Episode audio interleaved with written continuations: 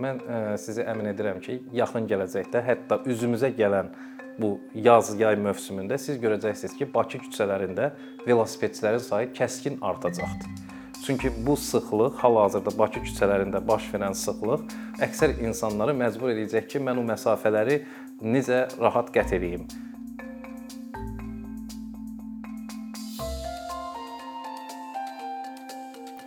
Ənənəvi olaraq Azərbaycanda ə, velosiped bir ə, nəqliyyat vasitəsi kimi qəbul edilməyib. Lakin ə, araşdırma nəticəsində özüm də görmüşük görmüşəm ki, velosipeddən Sovet dövründə ilk növbədə idman növü kimi baxıblar velosipedə. Yəni ə, şəhərimizdə velotrek tikilibdi. Ə, velosiped idmanı üzrə nailiyyətlər əldə olunubdu. Lakin ə, nəqliyyat vasitəsi kimi o zamanlar əsasən poçt e, xidmətində çalışan poçtalyonlar istifadə eləyirdi. Orada məktubların daşınması, qəzetlərin daşınması, qısa məsafələrə qət eləmək üçün və e, ən sonda uşaqlar bir əyləncə kimi həyətlərdə, məsəl üçün kənd yollarında velosipeddən istifadə eləyirdilər. Amma müasir yanaşma onu göstəribdi ki, e, velosiped hətta böyük şəhərlərdə belə iqlimindən asılı olmayaraq, relyefindən asılı olmayaraq müvafiq infrastruktur qurulduqda qısa məsafələri qət etmək üçün ən gözəl kiçik mikromobillik elementin biri, vasitəsinin biridir. Bunun üçün ilk növbədə nə tələb olunur? İlk növbədə əlbəttə ki, infrastruktur yaradılmalıdır. İnfrastruktur müvafiq infrastruktur yaradıldıqda təhlükəsizlik də təmin olunur. Kiçik bir müqayisə indi hamı üçün etalon Niderland təcrübəsidir. Yəni Niderland təcrübəsini artıq e, Amerikanın böyük şəhərləri, hətta Kanadanın nəqliyyat sahəsində mütəxəssisləri Niderland təcrübəsini öyrənirlər e, və onu həmin təcrübəni öz ölkələrində, öz şəhərlərində ona uyğunlaşdırmağa çalışırlar. Niderland velosipedçiləri nə ilə fərqlənir? Yəni əsas velosipeddən istifadə edən insanlar, velosipedlə maraqlananlar bu sahənə maraqlanan adamlar fikir verir ki, Niderlandda velosipedçilərdə ümumiyyətlə dəqiq bilgədən istifadə olunmur. Niyə? Çünki yollar elə təhlükəsiz qurulub ki, məsəl üçün dəbilqənin geyinməsi hətta insanı velosipedin istifadəsindən çəkindirir. Yəni gündəlik. Çünki dəbilqə əlindədir, onu harasa qoymalısan, özünlə daşımalısan. Ona görə Niderlandda onu qəbul ediblər ki, biz yollarımızı elə quracağıq ki, velosiped hərəkatı hərəkəti elə təşkil olunacaq ki, orada xəsarət alma minimuma endirilsin və həm də e, insanlara dəbilqə mütləq olmasın. Dəbilqəni ancaq kiçik yaşda uşaqlar velosiped sürməyə öyrənəndə onda istifadə olunur. Bir yanaşmada e, Niderland velosipedçilərinin xüsusiyyəti. Yəni velosiped sürən insan bilir ki, e, hərəkət zamanı bu aerodinamika lazımdır insana bu küləyin əksinə gedəndə. Yəni biraz önə e, yanaşıdır. Bakı küçələrində də velokuryerləri də görsək ki, onlar həmin belə deyək, oturuş qaydasına riayət edirlər, amma Niderland velosipedini velosipedçilərinə fikir verdikdə hamısı dik oturub və velosipedin dizaynı da elədir ki, yəni əyilməyə ehtiyac yoxdur, dik idarə eləyirlər Bu artıq psixoloji yanaşmadır ki, insan ətrafını daha yaxşı müşahidə etsin və ətraf mühitdən bir qarmoniya yaşasın. Yəni gedə-gedə üz-üzə görüş bir-birini salamlaşır, gülümsəyir və yanında gedən digər velosipedçi ilə rahat söhbət eləyir. Yəni bizdə əsasən velosiped sürəndə fikir versək, hamı əli sükanda və başı aşağı yolunun qabağına ətrafa biraz az diqqət yetirir ətrafda baş verənlərə. Bir də bir bəzi stereotiplər var bizdə ki, məsəl üçün Bakıda velosiped e, yolları salmaq çətin olacaqdı. Burada relyef var, dağ e, eniş yoxuşlar çoxdur. Amma velosiped yanaşması o deməkdir ki, e, Məsəl üçün burada kompleks yanaşma lazımdır, sistemli yanaşma lazımdır. Velosiped ümumi ictimai nəqliyyata inteqrasiya olunmalıdır. Misal üçün 28 e, may e, metrosu orada dəmir yolu vağzalı da var.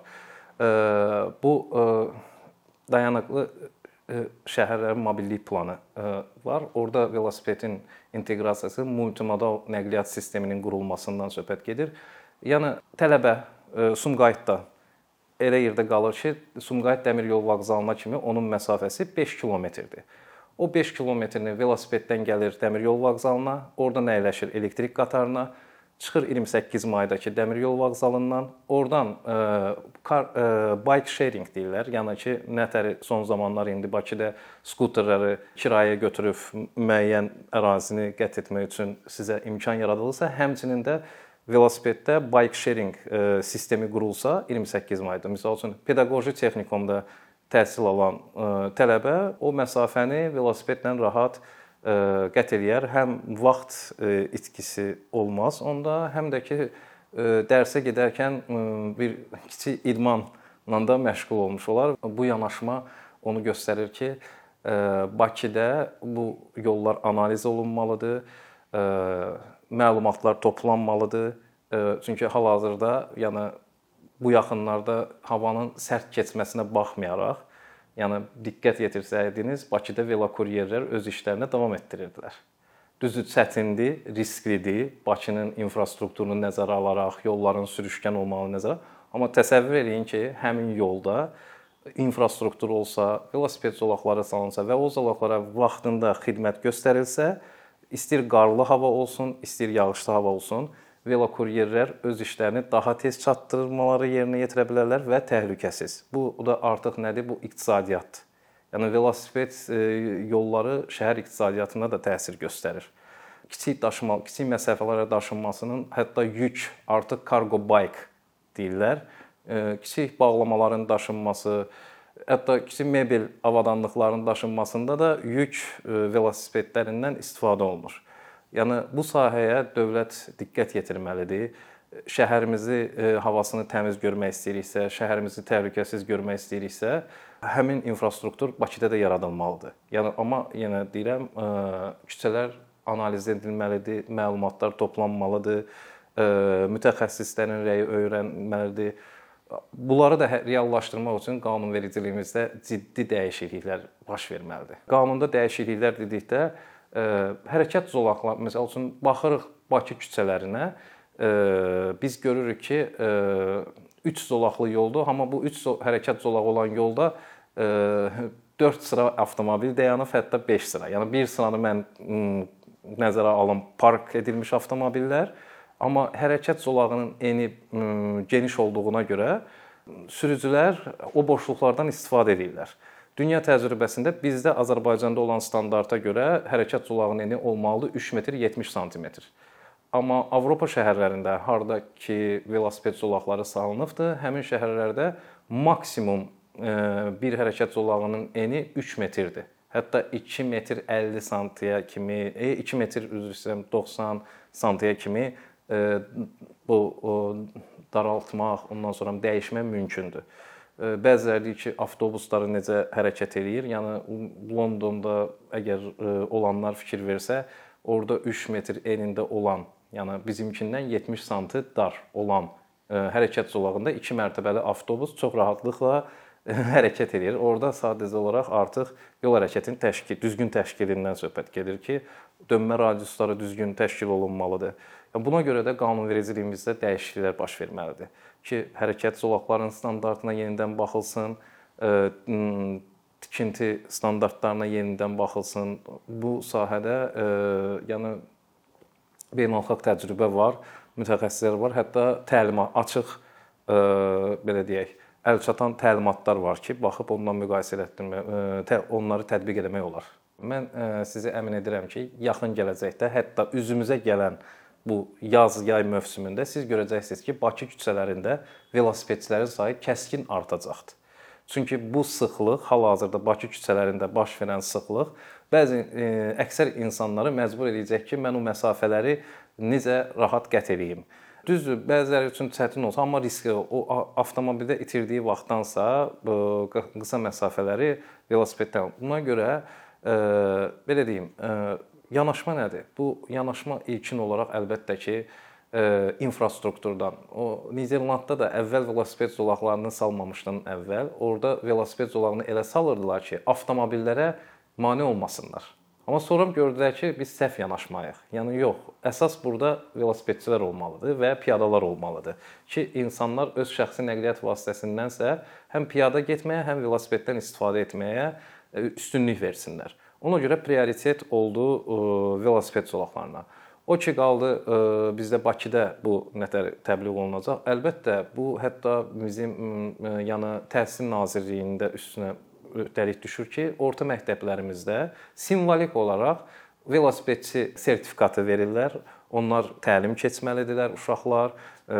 Hətta yol hərəkəti haqqında qaydalardan imtahan verirlər. Ən kiçik yaşlarda kiçik piyada şəhadətnaməsi verilir. Sonra 12-14 yaş arası uşaqlara artıq velosipeddən istifadə qaydaları öyrədilir və onları şəhərdə velosipeddən e, idarə edilməsi e, öyrədilir və bu haqqda da onlar imtahan verirlər. E, yəni bunu bizim təhsilimizdən başlamalıyıq. İnfrastruktur bəli öz yerində. Niderlandda niyə avtomobil sayı, adam başına düşən avtomobil sayı Azərbaycandan dəfələrlə çoxdur. Bizdə 1000 nəfərə 149 avtomobil düşürsə, düzdür, onun 70 Azərbaycanda olan avtomobil sayının 70%-i Bakıda cəmləşibdir. Amma Niderlandda bu artıq 1000 e, nəfərin 500-600 arası e, amma hər avtomobil e, sürücüsünün də velosipedi olduğu üçün velosiped o yolda olan velosipedçiləri çox gözəl anlayır. Bilir ki, qəfil qapını açmalı deyil və əgər düzdür, yollar elə layihələndiribdir ki, orada bu risk orada minimuma endirilibdir ki, sürücü və yaxud da sərnişin avtomobilin qapısını qəfil açsa, ona dəymə şan ola, ola bilər, o qəza baş verə bilər velosipedə, amma orada o minimuma endirilib. Yenə də hər bir avtomobilist, hər bir e, sürücünün velosipedi olduğuna görə, özü həm də velosipeddən istifadə etdiyinə görə o yolda velosipedin istənilən hərəkətini artıq bilir.